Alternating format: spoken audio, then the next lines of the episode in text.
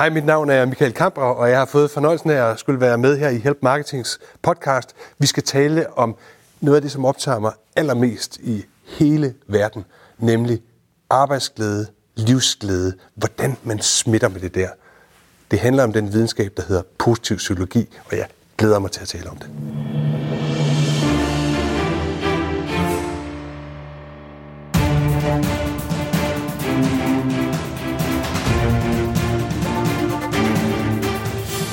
Det her er Help Marketing podcasten, lavet for dig, der arbejder med digital marketing, salg og ledelse, og som gerne vil opnå succes ved at hjælpe andre. Jeg hedder Xings, og Help Marketing producerer til min virksomhed, der hedder Nokmal.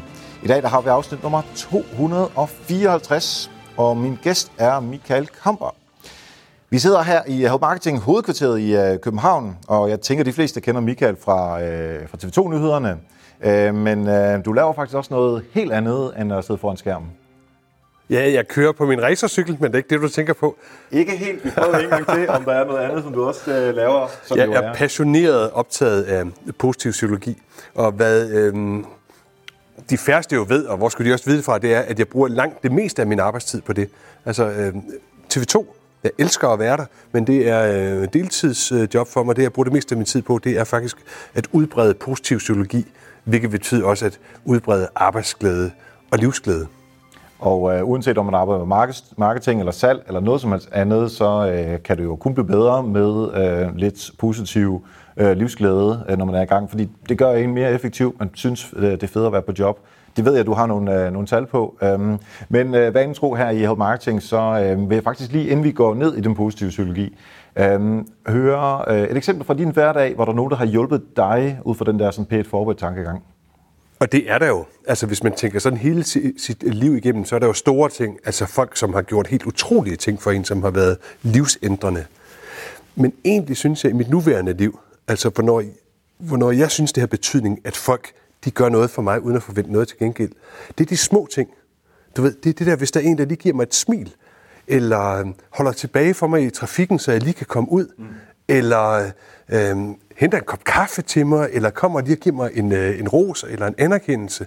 Alle de der små ting, som folk gør øh, af hjertets lyst, det varmer mig virkelig. Altså, jeg sætter stor pris på det hver gang, at der bare kommer sådan en lille ting, bare sådan en lille smil. Jeg kan simpelthen mærke, at, øh, at øh, det løfter mig. Og det sjove ved det der, det er, at når vi selv er den, der gør det, altså når vi selv er den, der smiler til andre og holder tilbage i trafikken, så får man lidt den samme følelse. Ja. Måske endnu kraftigere. At når man gør noget det gode for andre, mærker man det også inde i sig selv, at man får det bedre. Så det er en meget reciprok ting, det ja. her. Jamen, det er jeg helt enig med dig i. Øhm, jeg har nogle gange tænkt på, når... Øhm, det er så ikke så små ting, men du ved, når der er en ambulance, der kører hen ad vejen, og altså, den har fart på, fordi der er en eller anden, som er i, øh, i fare et eller andet sted, ikke? Og alle de mennesker, som bare flytter sig. Ja, altså, det er helt rørt. Men, ja, altså, jeg kan mærke nogle gange, at min, min overlæb, den lige går lidt ned, for jeg kan nærmest sådan Altså, det er ikke, fordi jeg begynder at tude, vel? Men Nej. jeg kan bare mærke, at jeg bliver meget rørt af det der. Fordi vi som samfund tænker, der er noget, der er vigtigere end mig lige nu her, så jeg må lige flytte mig. Og, altså, det, det er en lidt større version af, af kop kaffe, men, men alligevel, det, jeg bliver også meget, meget Det er det samme. Altså, altså, vi skal sgu være der for hinanden. Ja.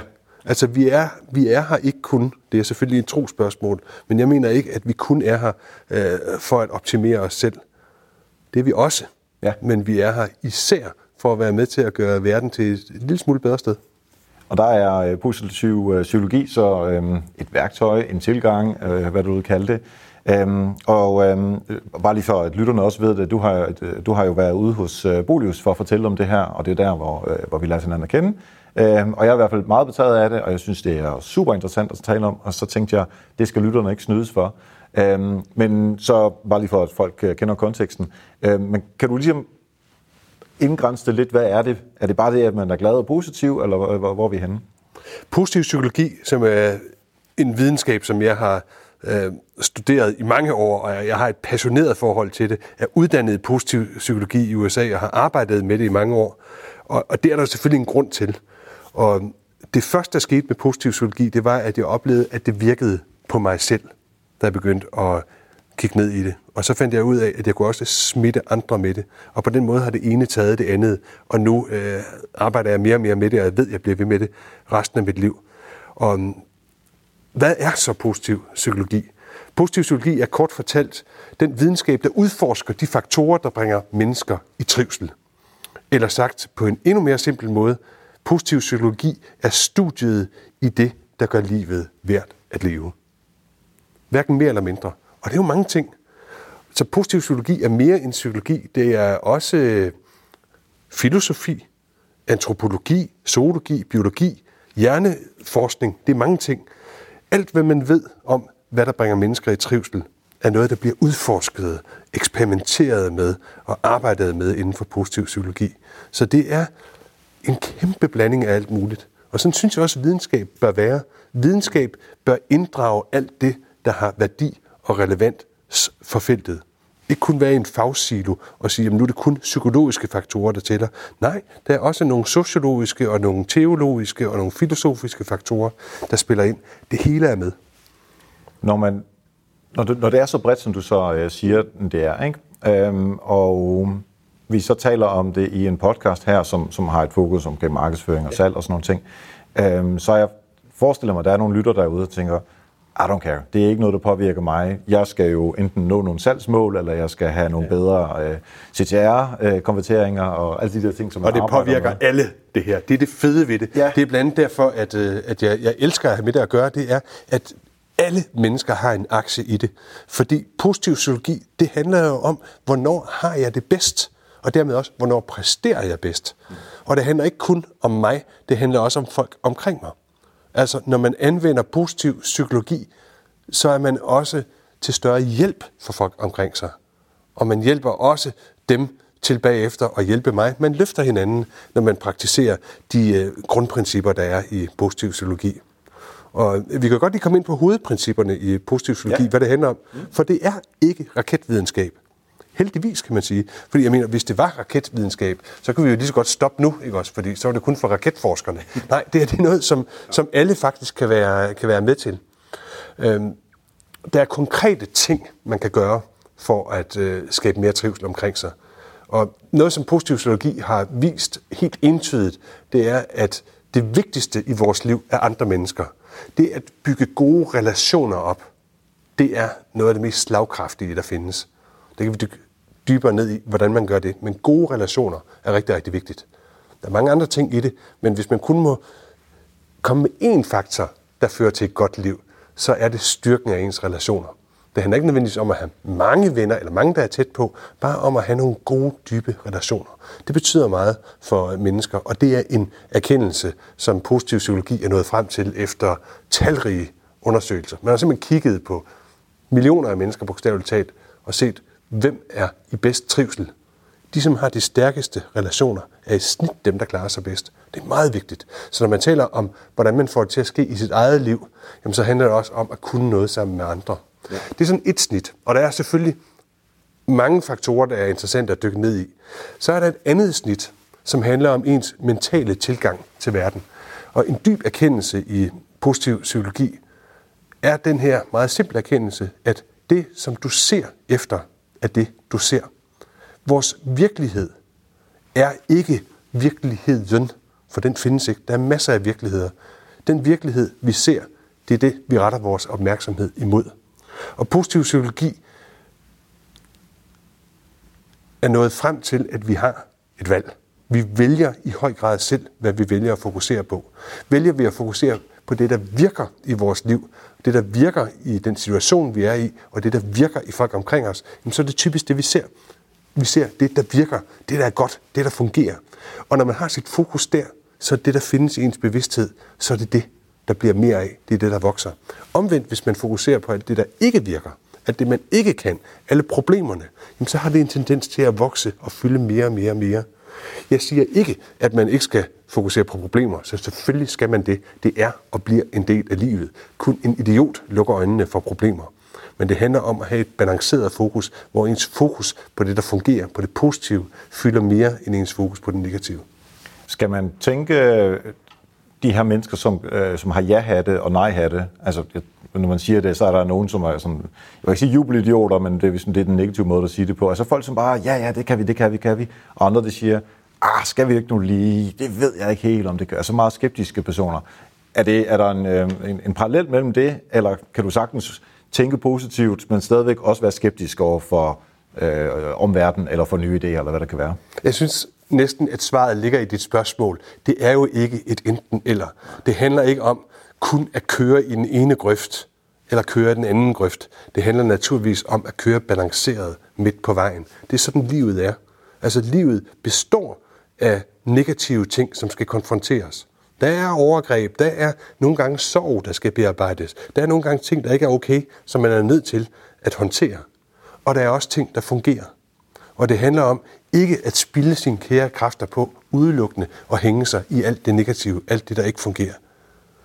Det er der mange, der har en tendens til, fordi det er vores biologiske præindstilling. Det er, at vi fokuserer af natur mere på det negative end på det positive.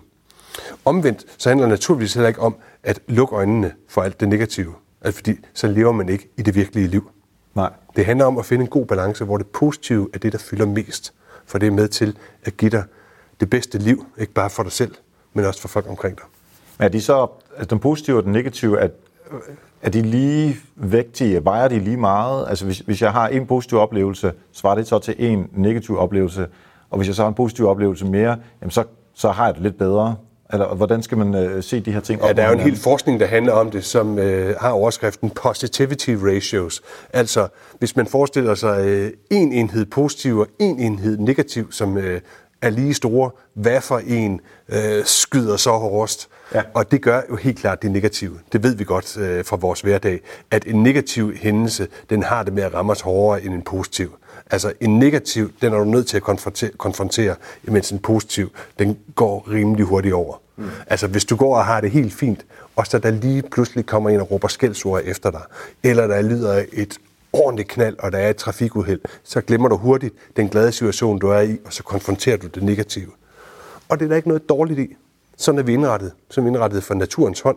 Altså vores reaktionsmønster er jo en elgammel ting, som vi langt hen ad vejen har til fælles med øh, aberne og mange andre dyr.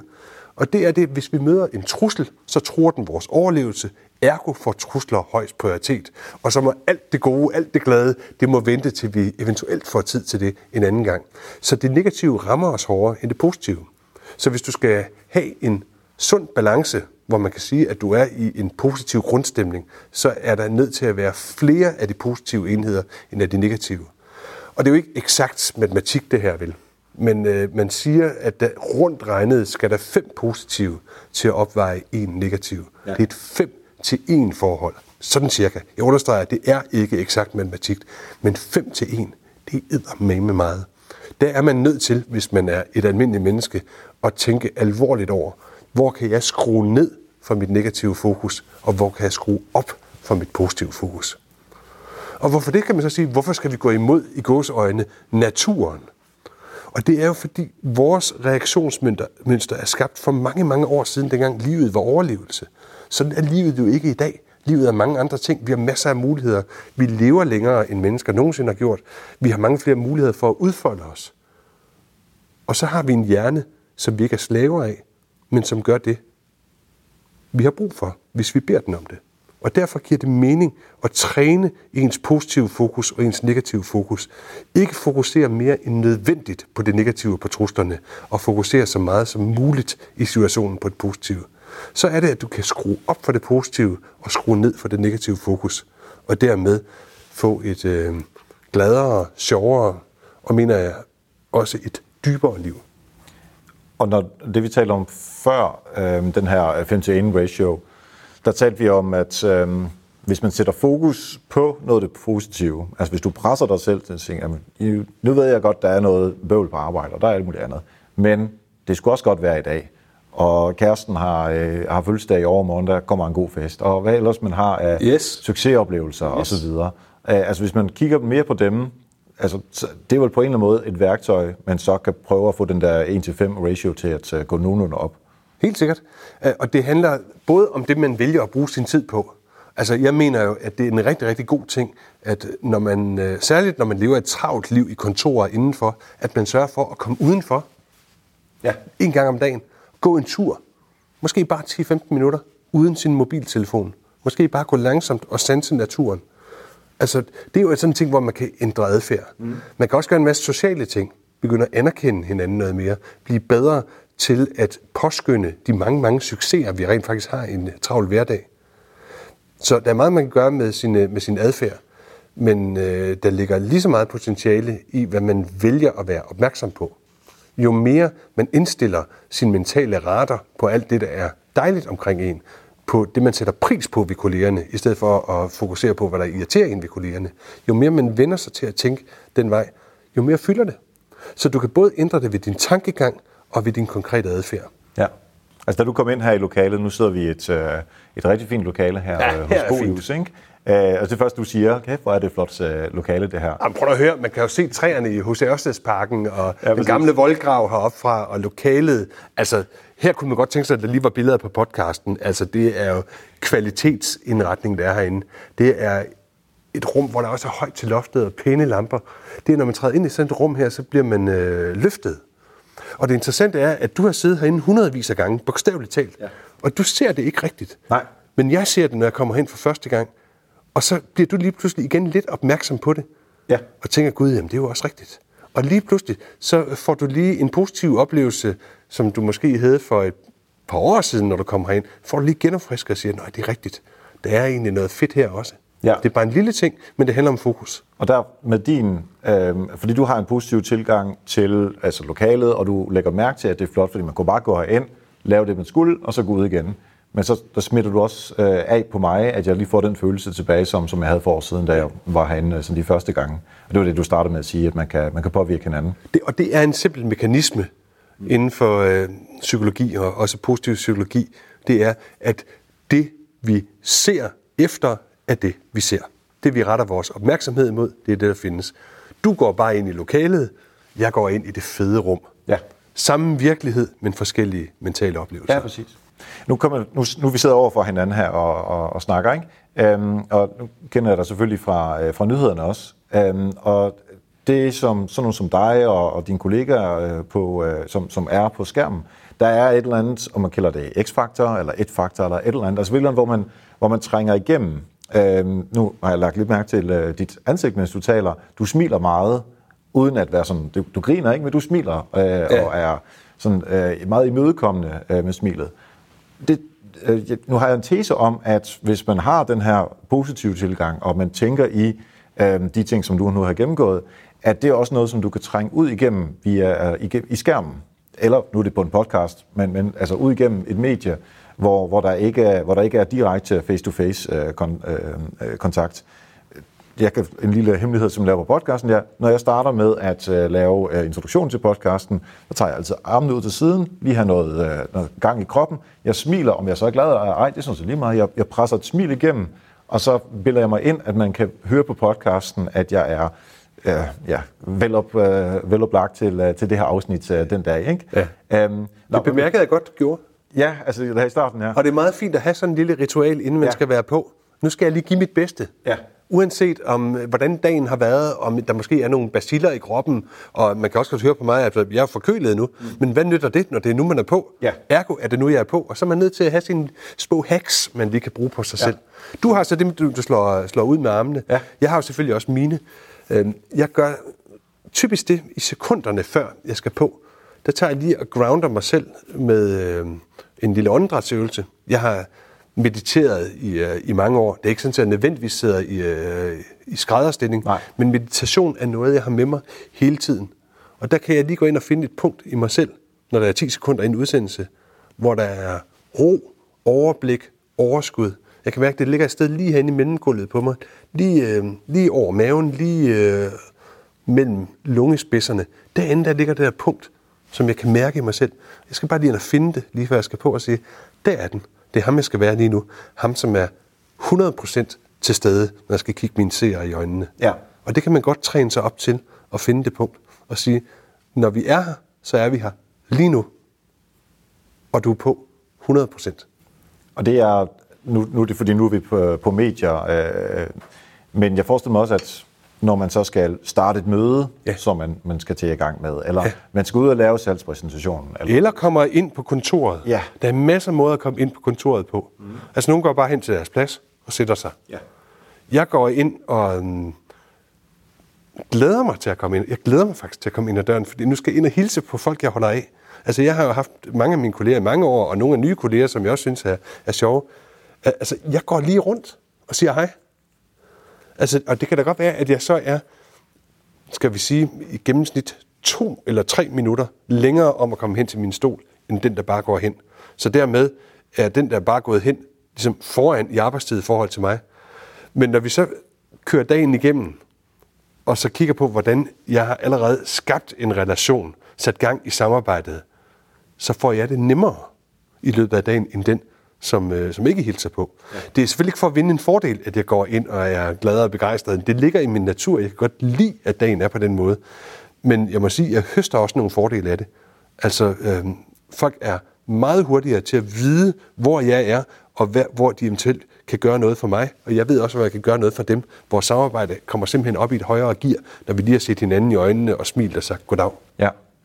Øhm, så for det du starter med at sige, det er, at man gør det jo ikke kun for sig selv, men man gør det også for at andre, man kan smitte den positive psykologi. Ja. Øhm, og så kan det også give tilbage, fordi folk de er så også gladere, og måske man, man, er, man er mere effektiv i sit man arbejde. Man taler meget om the ripple effect ja. med den her slags ting. Den gælder i øvrigt både positiv og negativ energi. Det er sådan nogle energikilder, som der bliver mere af, jo mere du bruger dem. Jo mere du bruger af en bestemt type mental energi, jo mere bliver der af den. Hvis jeg kommer ind og glad og begejstret i et rum, jamen så smitter jeg typisk lidt med den, og de smitter det så videre, og så smitter det tilbage på mig, og jeg kommer mere af det afsted. Så vi har at gøre med en uh, energikilde, der er anderledes end fossile brændstoffer, end uh, benzin og kul osv., hvor der bliver mindre af den energi, energikilde, jo mere vi bruger af den. Her bliver der mere af den. Det interessante er, at det gælder jo også negativ energi. Ja. Hvis det er det, man spreder, jamen så er det også det, man smitter andre med, og det, man får tilbage. Også negativ energi er en energikilde, som det bliver mere af, jo mere man bruger af den. Og derfor bør man være meget, meget bevidst om, hvad det er, man smitter med. Jeg siger ikke, at man ikke skal være negativ en gang imellem. Og det skal jeg love for, at det er også selv i stand til. Altså hvis der er noget, der bare ikke er okay, så skal man selvfølgelig gøre noget ved det og adressere det. Uden at være naiv, uden at være blød. Man kan godt gøre det på en ordentlig og respektfuld måde, det mener jeg, at man skal. Men selvfølgelig skal det adresseres. Selvfølgelig skal man en gang imellem fyre noget negativ energi af, fordi det simpelthen er nødvendigt. Men man skal være bevidst om, at når jeg gør det, så sætter jeg også gang i the ripple effect, mm. altså ringene i vandet. Og så er jeg nødt til, via min øvrige adfærd, at sørge for at kompensere for det.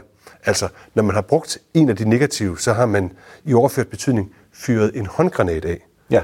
Og de positive virker ikke lige så kraftigt. Det er sådan knaldperler. Så dem skal der altså være betydeligt flere af, for at de opvejer en håndgranat. Ja. Så du kan ikke gå og kaste håndgranater hele tiden. Du må gøre det til rette tid og sted, og ellers generelt være en overskudsagtig, positiv person. Hvis nu man, man, man tænker, jamen, det er faktisk ikke helt dumt, det du siger, men nogle gange så kommer jeg ind på arbejde om morgenen, og så er jeg bare ikke i godt humør. Eller nogle gange så øh, gider jeg ikke det der møde. Og det er fair nok, at øh, man har det i den position. Men så siger okay, fint nok, jeg køber, skal du få sige, Michael, øh, men det er godt nok forceret, at jeg skal sidde der og smile og lade som om, jeg synes, det er det fedeste, at vi, øh, at vi skal starte dagen, selvom jeg egentlig er træt osv. Skal man bare acceptere det forceret, eller øh, har du nogle tricks til, hvordan man kommer ud om det? Oh ja, altså øh, der er... Først er der de små tricks. Smilet er en fantastisk ting. Smilet er en genial ting.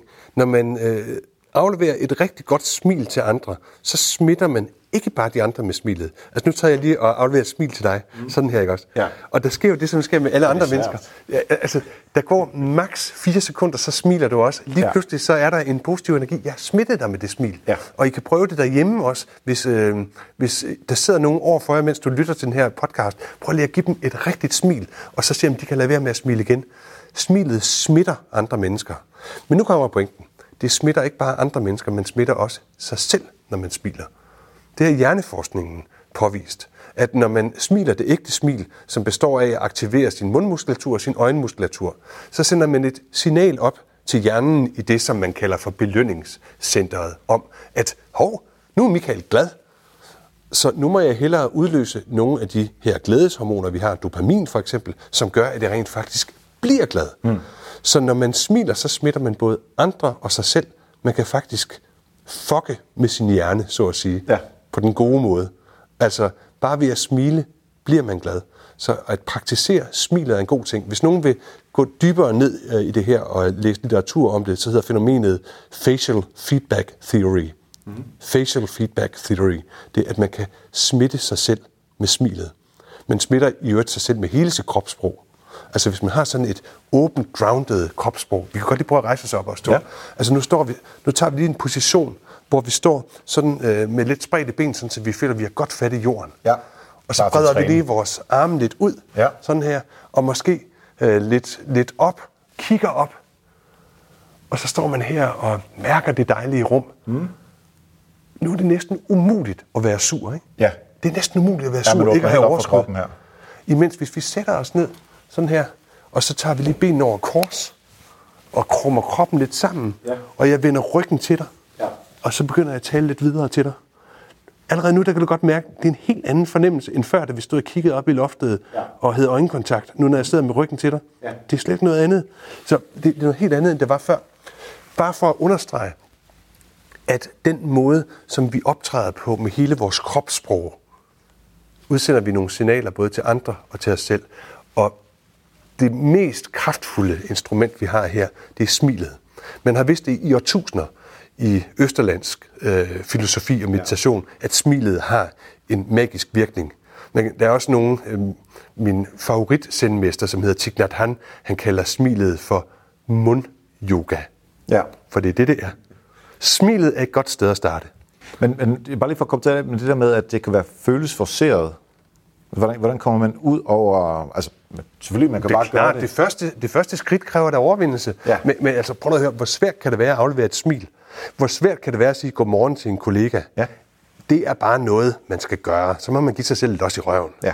Eller, eller lige sige til en, øh, til en kollega, hvis man virkelig har svært ved det her, så sige til en kollega, ved du hvad, jeg er lige nødt til at have din hjælp, fordi jeg ved godt, at jeg skal hilse på andre, når jeg kommer ind. Og nogle gange glemmer jeg det. Og er ikke lige sød lige at minde mig om det?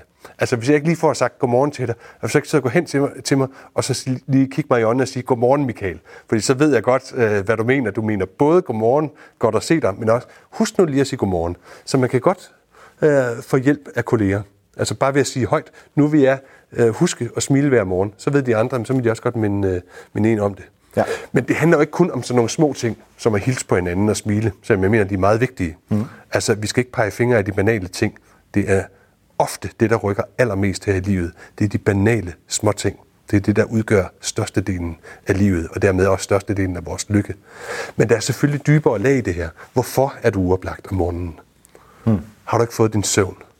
Øhm, er der et eller andet, er der en ubalance i dit liv, at du laver for meget af en type aktivitet og for lidt af noget andet, som gør, at du er i en eller anden form for stress og ikke kan falde i søvn? Eller spiser du forkert? Eller hvorfor er det, du er uoplagt om morgenen? Altså, vi mennesker er ikke forprogrammeret til at være uoplagte om morgenen. Vi er faktisk forprogrammeret til at have energi om morgenen, når ja. vi er friske og udviklet. Så hvis jeg ikke har god energi om morgenen, hvad er så årsagerne? Og det er jo klogt også at gå det lag dybere, ja. i stedet for bare at prøve at smile det væk, hvilket er en vej, men det er ikke hele løsningen. Det kan også godt være, at øh, der er nogle ting, du lige skal ændre på i din dagligdag. For eksempel at se at komme lidt tidligere i seng. Og det kan, være sådan, det kan måske være noget med, at du har det med at kigge på blå skærme, altså på øh, mobil eller computer, inden du falder i søvn. Få den slukket senest kl. 20.30. Og så, øh, hvis du har en partner, så øh, gå i seng med den partner, i stedet for at gå i seng med din mobiltelefon. Og falde lidt tidligere i søvn. I har eventuelt haft en god relation, inden du falder i søvn. Det er, det er et sted, man kunne starte. Det kunne også være noget med, at man simpelthen har for travlt med de forkerte ting i sin hverdag. Ja. Jamen, så må man gå ind og analysere den. Og det er jo ikke sådan en helt let ting, men det er en mulig ting. Også der tilbyder positiv psykologi værktøjer til, hvordan man kan gå ind og analysere sin hverdag og se, jamen gør jeg i virkeligheden det, som er i pagt med mine styrker? Ja. Altså, laver jeg det, jeg burde gøre, eller laver jeg mest det, som er mine svagheder? Laver jeg mest det, der dræner mig for energi? Jamen, så kan det godt være, at vi skal finde ud af, hvad er det egentlig, som fylder mig med energi? Og prøve at se, hvordan kan jeg ændre mit liv og mit arbejdsliv, sådan så jeg bruger mere tid på det, der fylder mig med energi, end på det, der dræner mig for energi. Der snakker vi jo lige på vej op ad trappen, og, og sidste afsnit af Help Marketing, der fortalte jo, at nu går vi over til at køre øh, en gang om måneden. For fire år siden, altså der var der stort set ikke andet i mit liv end podcast. Altså, det var det fede. Jeg havde mit job og alle de der ting der, ikke? Men podcasten, det var bare, altså det var et passionsprojekt, som bare synes det var mega fedt. Øh, og nu er jeg en af de der typer, som, som hurtigt kan blive... Øh, jeg kunne hurtigt sådan se et eller andet, og det kunne også være sjovt. Det kunne også være sjovt. Øhm, øh, øh, så fire og et halvt år med det samme projekt, det er for mig altså virkelig lang tid. Ikke? Man skal nærmest øh, gange det op med katteår, øh, så man så virkelig får det til at, at lyde af meget. Øh, så, så det, jeg sagde i sidste afsnit af marketing, var, at, at jeg måske har tabt den der passion en lille smule. Men jeg presser videre, fordi jeg jo selv, når jeg underviser i podcasten, så fortæller, at det er fornuftigt at gøre det en, en gang om ugen eller en gang om måneden. Hvad sådan en jævn udkomme. Og der er også andre podcasts, så hvorfor, hvis de kan, så burde jeg også kunne, og så videre. Øhm, men, men der har jeg nemlig brugt en del tid på, hvad er det egentlig, som fylder mig med energi, og hvad der ikke gør. Så jeg har ikke brugt de ord, men, men det er det, jeg reelt har gjort. Ja. Og jeg har bare fundet ud af, at podcasten giver mig energi, men at presse mig selv til det til fire gange om, øh, om måneden, i stedet for en gang om måneden, det er ikke det, der giver energien. Øh, så uden at vide det, så har jeg så gjort nogle af de her ting.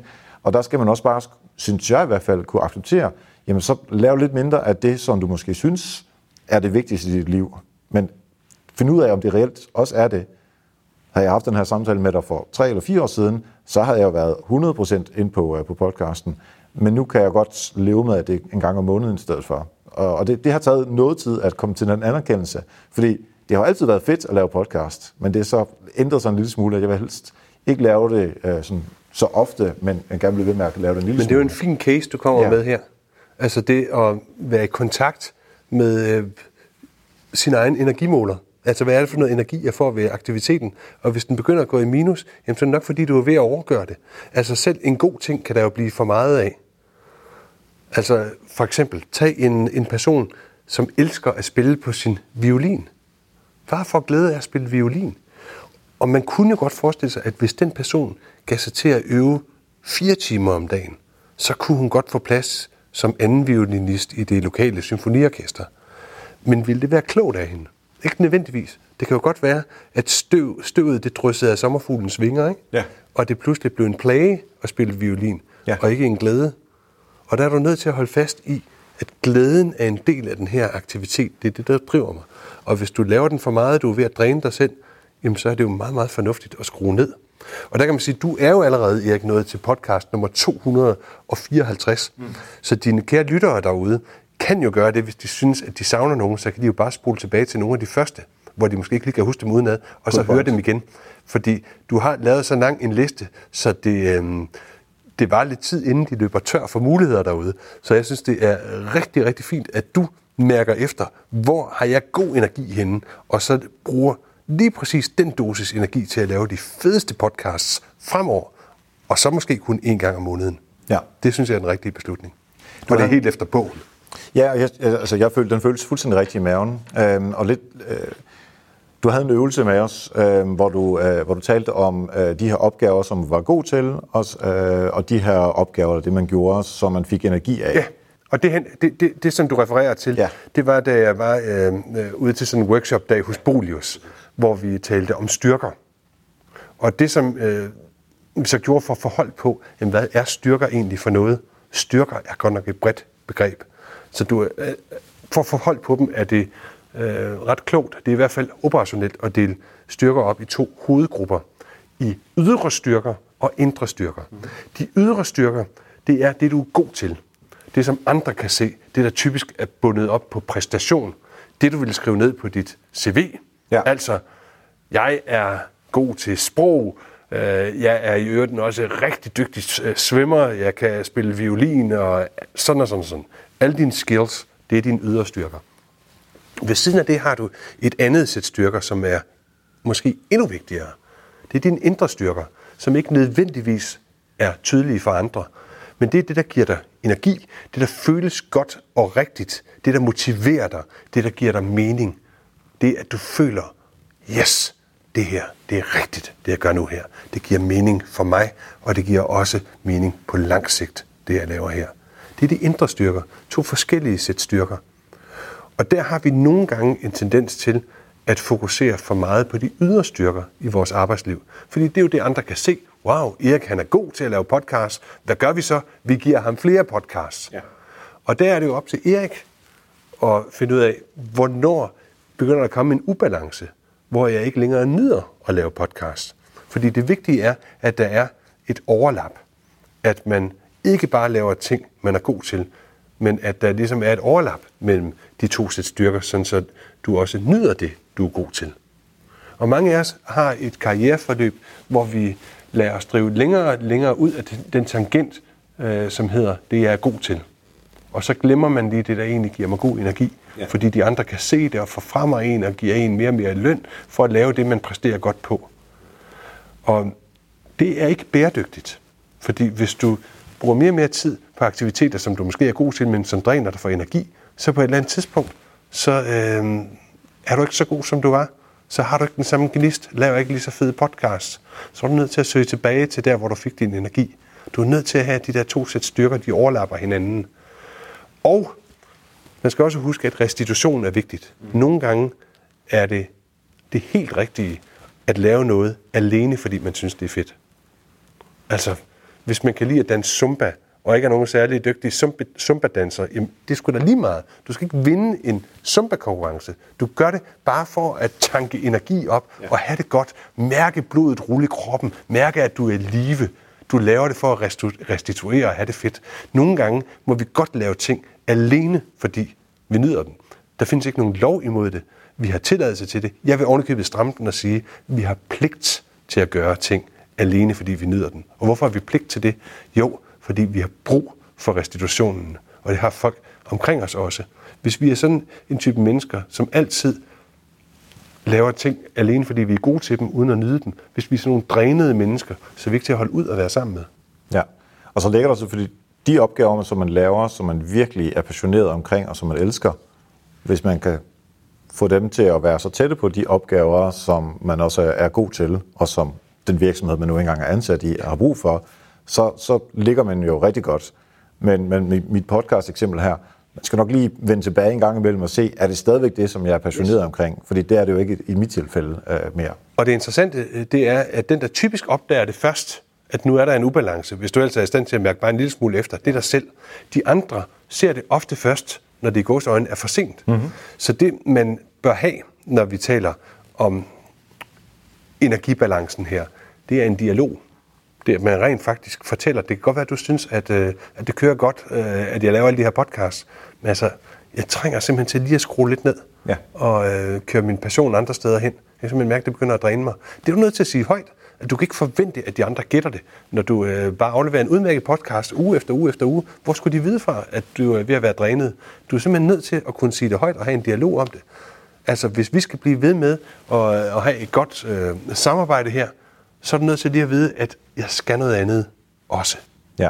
Så de mennesker, der lytter med derude, som er øh, chefer, tag snakken, og de mennesker, der ikke er chefer, tag snakken med chefen. Altså, så man ligesom får, lige det du siger, en dialog omkring, hvad der er fedt, og hvad der øh, er pligt. Jeg, jeg vil sige, jeg har et, øh, et, sådan et, et helt konkret værktøj, man kan bruge til de her ja. ting øh, i, øh, i den øh, bog, jeg har skrevet sammen med René Ønenslæger, som hedder Stærkere. Mm-hmm. At der vi lavet en model, vi kalder for Stærkere-modellen, hvor man simpelthen går ind og analyserer sin hverdag, de aktiviteter, man har i hverdagen, hvor er jeg henne rent energimæssigt.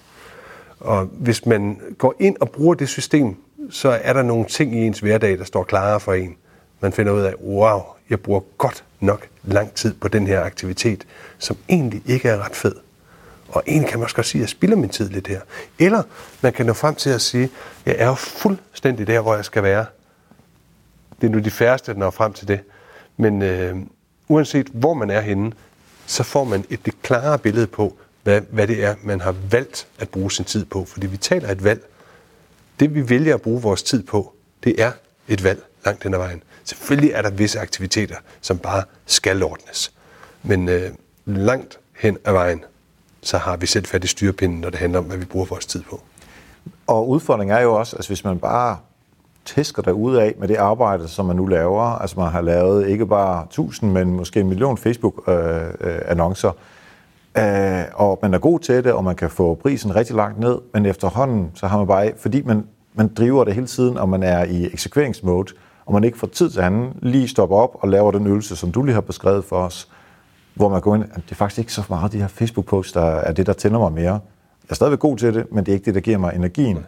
Så hvis man ikke lige stopper op en gang imellem, og lige får lidt afstand på, laver analysen her, og så får snakket med øh, sig selv eller chefen eller andre, øh, omkring det, øh, så, så, så kan man risikere at falde i, at, at man bare bliver mindre og mindre sådan, positiv. Ja, og lad os nu tale om det, som er øh, måske det helt centrale, også det, der gør mest ondt. Relationer. Mm. Og lad os bare bruge parforhold som eksempel. Hvordan det er, at de starter rent energimæssigt. Og de starter jo med, at det er rent lystbetonet. Ikke? Altså uanset hvad hun gør, hun er fantastisk. Bare så dejlig. Jeg er så forelsket i hende. Og det er lige meget, om hun er god til det, hun laver, eller ikke god til det. Det er slet ikke det, det handler om. Jeg elsker hende. Jeg er forelsket i hende. Jeg kan ikke få nok af hende. Og så på et tidspunkt, så flytter man sammen og finder ud af, nøj, der er også mange ting, vi rent faktisk er gode til sammen, samtidig med, at vi elsker hinanden. Vi er simpelthen bare et godt team. Ikke også? Og så begynder der at komme øh, frugter af det her gode team. Man øh, køber en bolig, man køber en bil, der kommer måske hund og børn og pligter. Og lige pludselig, så kommer der nogle nye aspekter ind i vores forhold. Altså, at noget af skulle også have et rotteræs. Ej, hvor skal vi hente og bringe børn mange gange, og hunden skal luftes, og øh, tagranden skal renses, og øh, der er ikke så meget tid til bare at være sammen for hinanden, være gode sammen, som der var før. Og det kan udvikle sig yderligere, sådan så man ikke engang føler, at vi er gode sammen længere. Det hele er bare pligt. Altså, man er ude i det, som jeg kalder for en ørken sammen. Altså, vi kan godt gå hen i et forhold, som startede med en forelskelse, og blive til hinandens ørken. Så kommer man rundt derude i ørkenen, og så ser man lige pludselig en ny dejlig en derude. Ej, hvor er hun skøn. Hun er perfekt. Det er jo lige meget, hvad hun gør. Hun er fantastisk. Hov, jeg tror, jeg er forelsket. Og så forlader man sin partner og får en ny, og så kan den der cirkel køre igen. For det vi glemmer, det er, at forhold er ikke noget, man har. Forhold er noget, man bygger hver eneste dag. Og det handler om at finde ud af, hvor var det egentlig, at vi var gode sammen, og sørge for, at det bliver vi ved med at gøre. Selv i en travl hverdag, så må vi skære noget væk, og sørge for, at vi kan lave det, der gør os gode sammen. Og hvor vi elsker hinanden. Find tilbage til de der aktiviteter. Så også i parforholdet kan man bruge den her ydre styrke, indre styrke tankegang. Og man kan bruge den blandt kolleger. Altså på arbejdspladsen er relationer jo også noget af det allervæsentligste. Og de relationer er heller ikke noget, vi bare har. Det er nogen, vi bygger hver eneste dag. Blandt andet ved at hilse på hinanden, give hinanden anerkendelse, positiv feedback, huske at analysere ikke bare ens problemer, men også ens succeser. Finde ud af, hvad var det, der gjorde, at det, der gik godt her, rent faktisk gik godt? Hvad var det, vi gjorde sammen her? Det er relationsopbygning. Stil den type spørgsmål. Øhm, nogle af de ting, som du har talt om i dag, er det her med, med parforholdet, som lige så godt kunne være ude i øh, arbejdspladsen, og så har du talt lidt øh, om, at man, altså, der er noget vedligeholdelse i, i relationerne. Der er det her med at finde ud af, den, om det er de styrker, som man er altså passioneret omkring, og som giver energi, eller om det er det, som man, man er god til. Øhm, og så talte du til start med også om, om øh, søvn og mad, mm. som er meget, sådan meget fysisk. Øh, øh, og, og restitution sagde du også øh, lige før. Altså det er altså noget, som øh, om det så er kroppen, eller hjernen, eller sindet, hvad vi nu kalder det. Altså der, der er en blanding af de der ting. Når jeg sådan lige... Der er jo nogen, der siger, at det slet ikke er en blanding, men at Nej. det bare er et hele, ja. at det hele hænger sammen. Mm. Og jo mere beskæftiger jeg mig med det her, jo mere tror jeg på, at det er rigtigt. Altså den der opdeling mellem krop og sjæl er langt hen ad vejen en tankekonstruktion. Det er en kunstig øh, opdeling. Tingene hænger sammen, og vi ved det godt. Altså det dårlige humør kan mærkes i maven, ja. og den dårlige mave kan mærkes på humøret. Det hele hænger sammen. Men når du, når du så siger det, så... Øh, altså, jeg har jo, øh, det har jeg fortalt på Health Marketing også før, at øh, jeg, jeg er medejer af et, øh, øh, noget, der hedder Performance Lab, som er et øh, mm. øh, fysio- og øh, træningscenter, hvor, hvor der er både topatleter og der er helt almindelige mennesker, som dig og mig, som, som også træner. Ikke? Øh, og der er mine kollegaer derinde, de fortæller også hele tiden om, hvis du skal performe som topatlet, så skal du sove godt, du skal spise godt, du skal sørge for at spise på det rigtige tidspunkt i forhold til, hvornår du skal performe. Lidt ligesom du sagde med, at, uh, at du går ind i maven, han har sagt, uh, og finder det uh, sted, du skal være, lige inden du går på. Uh, du skal uh, sørge for at uh, undgå skader, det vil sige tænke lidt over, hvad det er, du gør. Og det kan man også øh, gøre med øh, sådan noget søvn-tracking. Ja, det lyder meget amerikansk. Mm. Søvn-tracking. Mm. Øhm, og der er rigtig mange af de ting, som man som sportsudøver... Altså, Men jeg bliver sgu helt stresset nu øh, med alt det, jeg nu skal gøre og måle med min ja. søvntracking og spise det rigtige ja. øh, kvantum mad på det rigtige tidspunkt. Ja, altså jeg, jeg, jeg siger ikke måske... Altså, altså, at... man, man, man kan blive... At der er grader for, hvor nørdet man behøver at være, men man skal have sine tanker på det. Altså ikke, ikke, ja. ikke fylde sin krop med, med junk dagen lang. Ja. Det, og man kan jo mærke, det kan den heller ikke lide. Altså hvis du har spist sådan en rigtig slammet en hel dag, altså du kan mærke, at kroppen er ikke glad.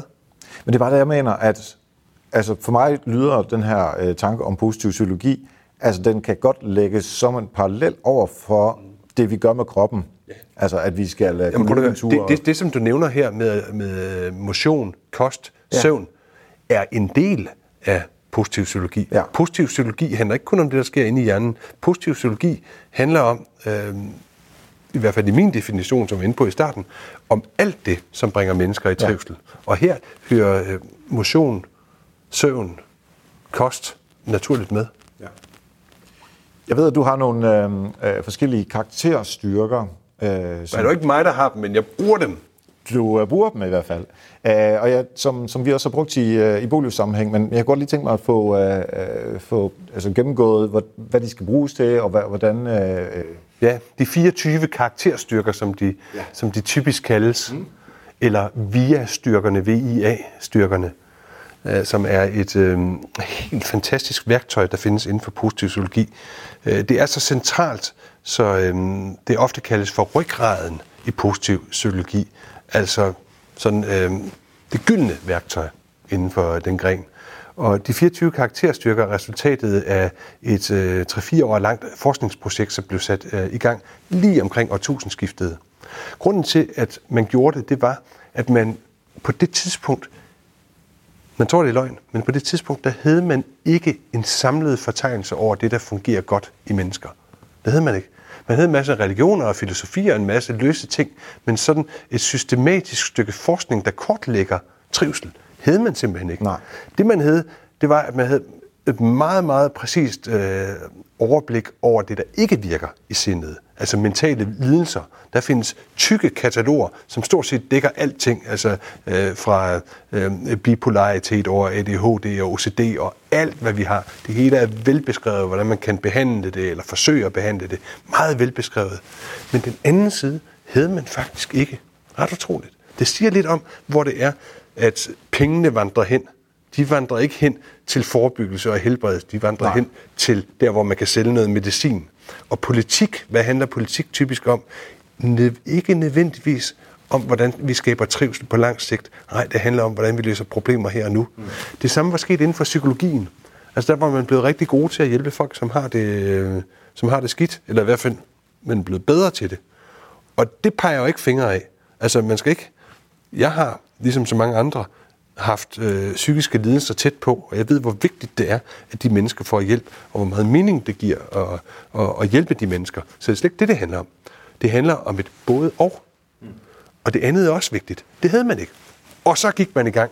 Positiv psykologi blev grundlagt som videnskab i 1998, altså for lidt over 20 år siden.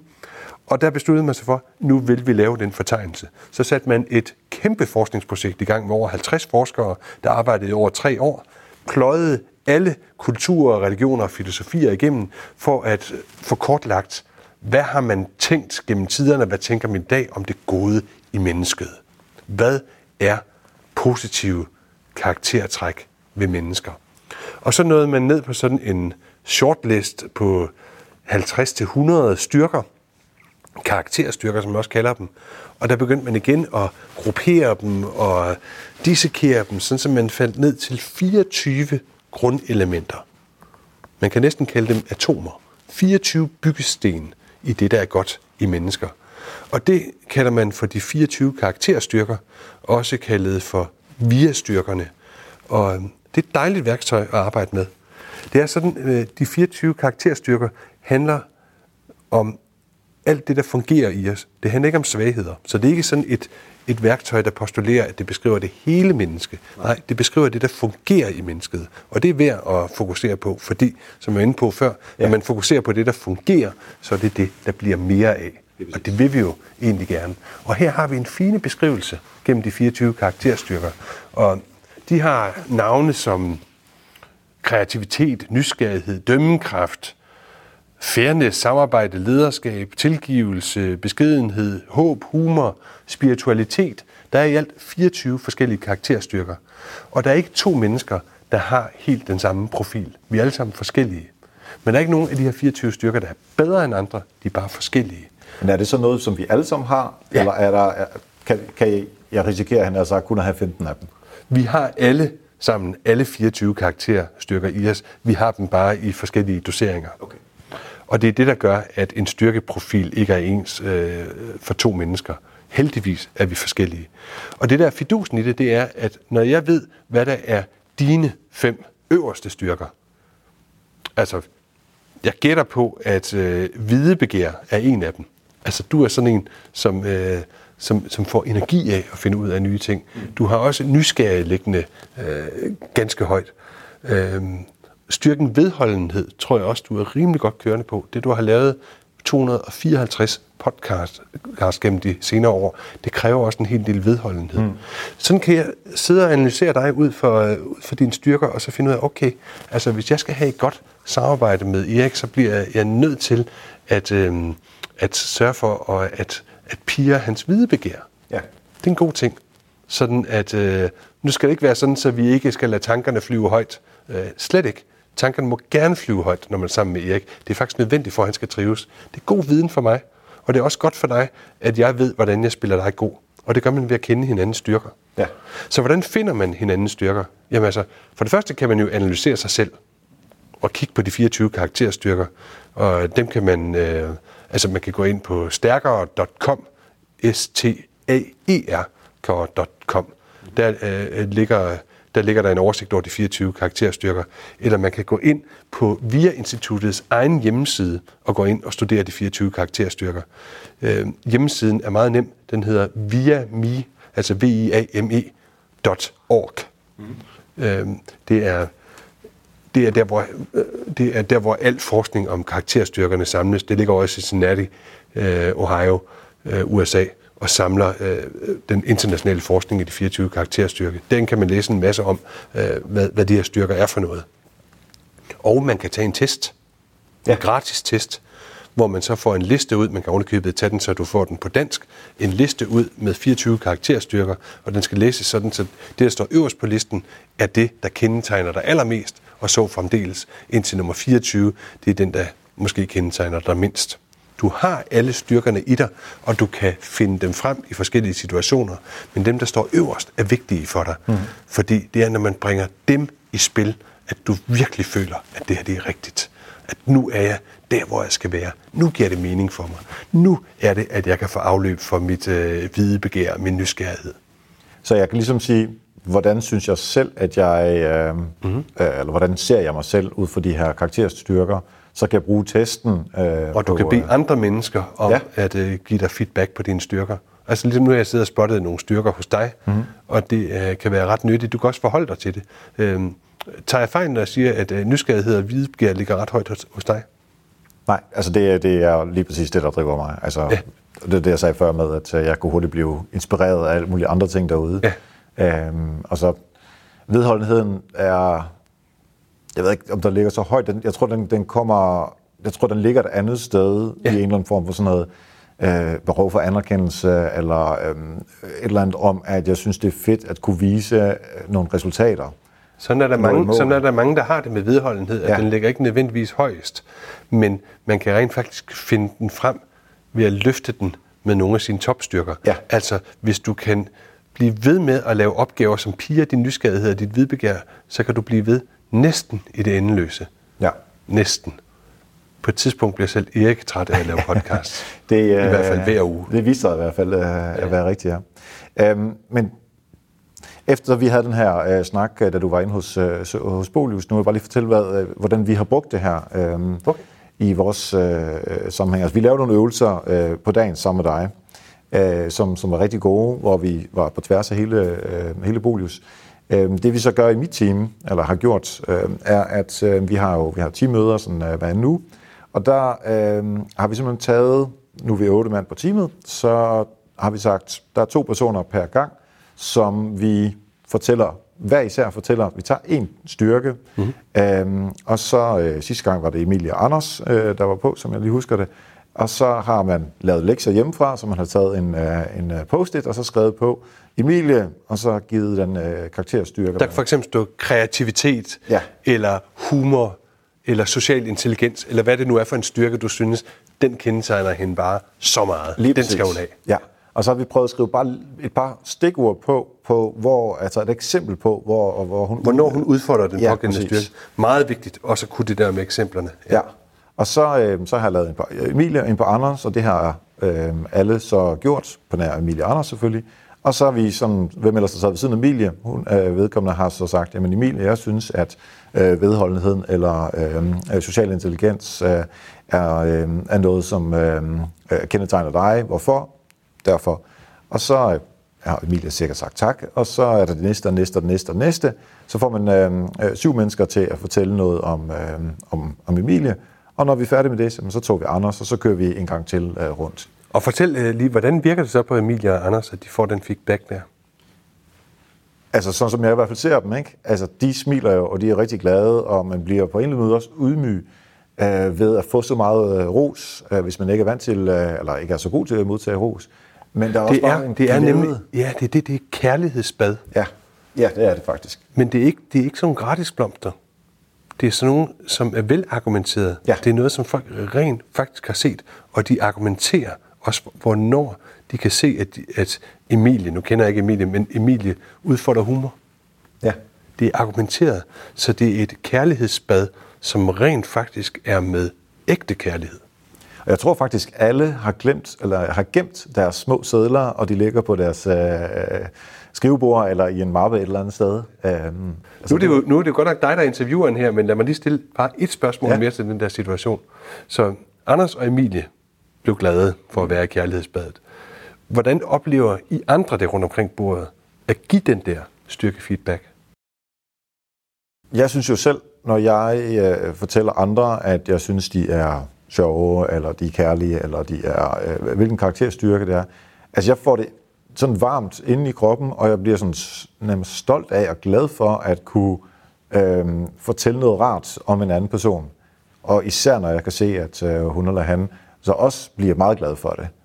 Øhm, og jeg ved ikke, om det er noget med den der smittende ting, som vi snakkede om i starten. Øh, Det har meget at gøre med fokus, det her. Vi ser det, vi ser efter. Og det gælder også, når du ligesom tvinger dig selv til at lave den øvelse, at nu vil jeg finde styrker, topstyrker ved Anders og Emilie. Så er det lige pludselig det, du ser. Og så bliver du endnu mere opmærksom på, hvad det er, du synes, der er fedt ved at have dem som kolleger. Så du skruer også op for din egen opmærksomhed på deres styrker, og dermed vokser de også inde i dig. Du bliver faktisk selv gladere for at have dem som kolleger. Og ved siden af det, så sker der det i processen, at du også bliver glad for at give. Det med at give en dybfølt anerkendelse til en anden person, føles også godt i en selv.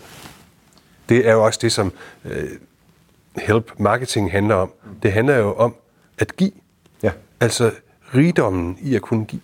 Den oplever man også, når man laver styrkefeedback. Og det jeg også synes, der er, er fedt ved at gøre det på den her måde, for nu har vi de her møder sådan hver, hver anden uge, øhm, og så tager vi to personer og taler om, og så næste uge tager vi to mere, og ugen efter tager vi to mere. Det vil sige, med otte mennesker, så har vi faktisk strukket den der glæde ved at give, og glæde ved at, øh, at få øh, kærlighedsbadet øh, strukket ud over to, to måneder lige, lige pludselig. Fordi det hænger jo ved, når, man, når man får de der små sædler, hvorpå der står, hvad, hvad, hvilke karakterstyrker man har. Så på den måde, så synes jeg, at, at det har gjort os øh, tættere som team Fedt til at arbejde sammen og, og, og værdsætte de, øh, de ting, som man nu engang er, er gode til. Ja, det bygger relationerne op. Ja. Og plus, det skaber jo også en meget nyttig viden om, hvordan øh, spiller jeg ham og hende god i dagligdagen. Ja. Og de ved også, hvordan, eller de er blevet klogere på, hvordan det spiller dig god. Ja, præcis. Um, der er jo sindssygt mange ting, man kan gøre, ud over det, som vi allerede har talt med. Um, og det kan være, at man skal lytte til afsnittet igen. Der er også show notes, uh, hvor uh, vi sætter, sætter links ind til alle de her ting, som uh, Ja. du også har henvist uh, uh, til.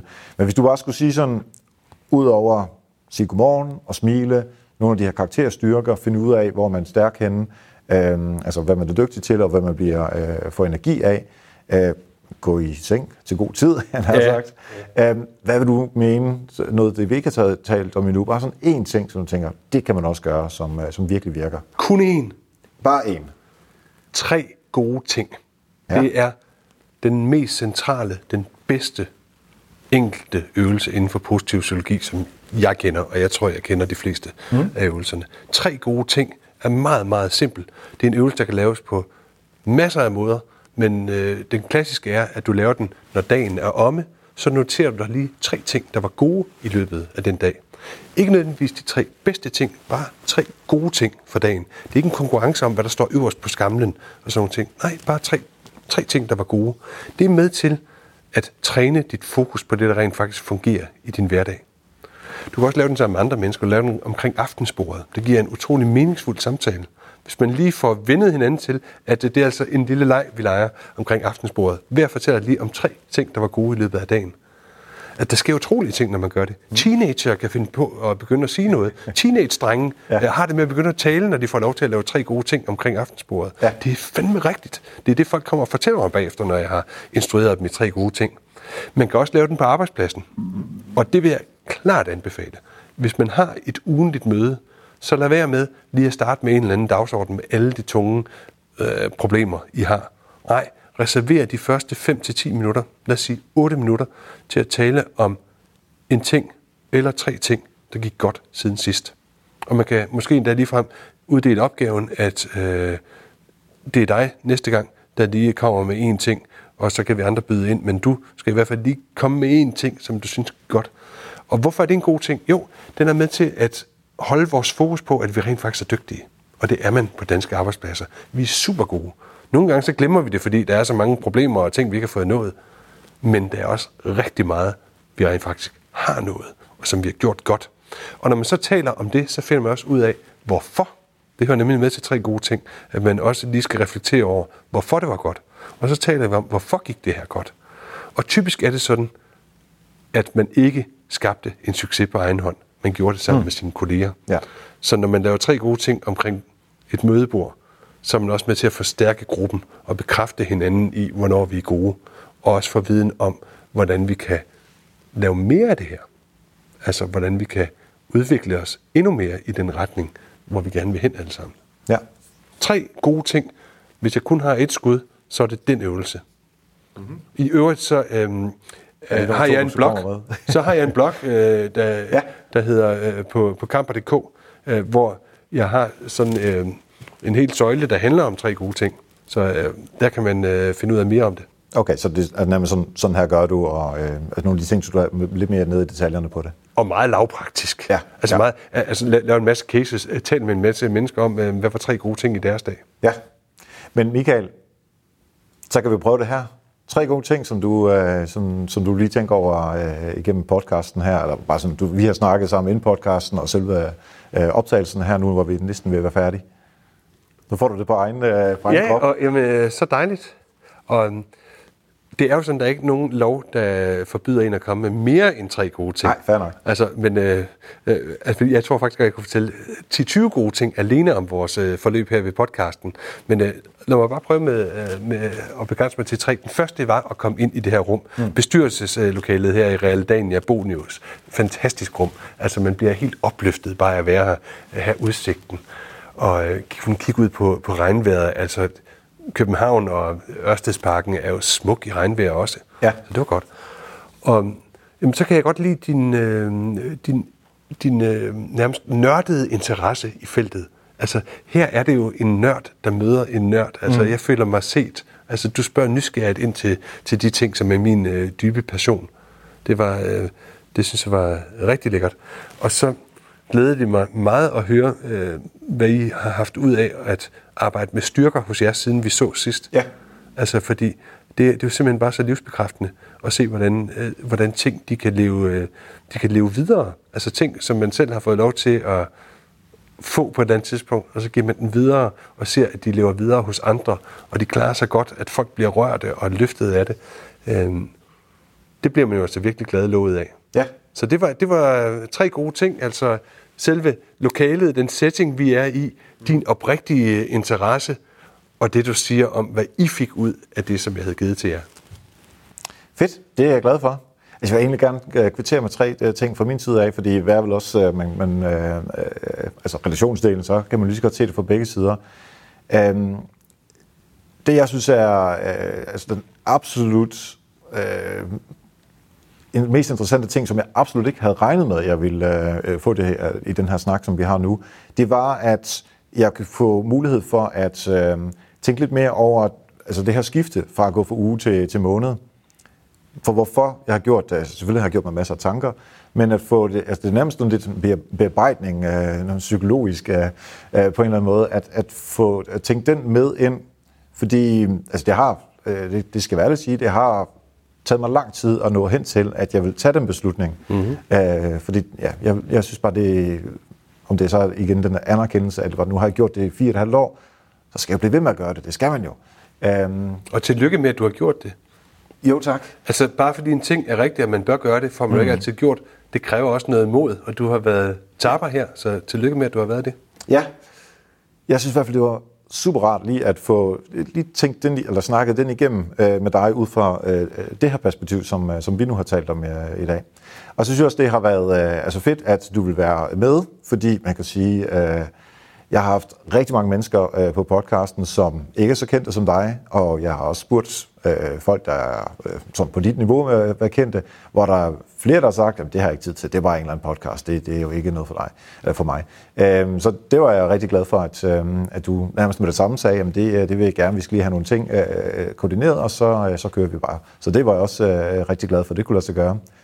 Øh, og så en ting, som jeg rigtig godt kan lide, det er øh, det, jeg kalder sådan David Letterman-finten, som er, at han har en, en joke, og så kører han tilbage til den hele tiden i løbet af det der, øh, øh, hans show der, ikke som det så er så slut nu, men det er sådan noget andet. Øh, og en parallel til det var, øh, vi tager rummet her igen, at vi taler om det til start med, og så kan det blive sådan noget, som vi kan tale om i øh, snakken, og så bliver det så også en, en tredje gang øh, nævnt, øh, fordi det, det er en af de tre gode ting, som du har. Og jeg nyder bare sådan nogle, den der, ja, det jeg kalder David Letterman-finden, at når man kan få det med, øh, så synes jeg, jeg bliver altså bare så glad, når det sker.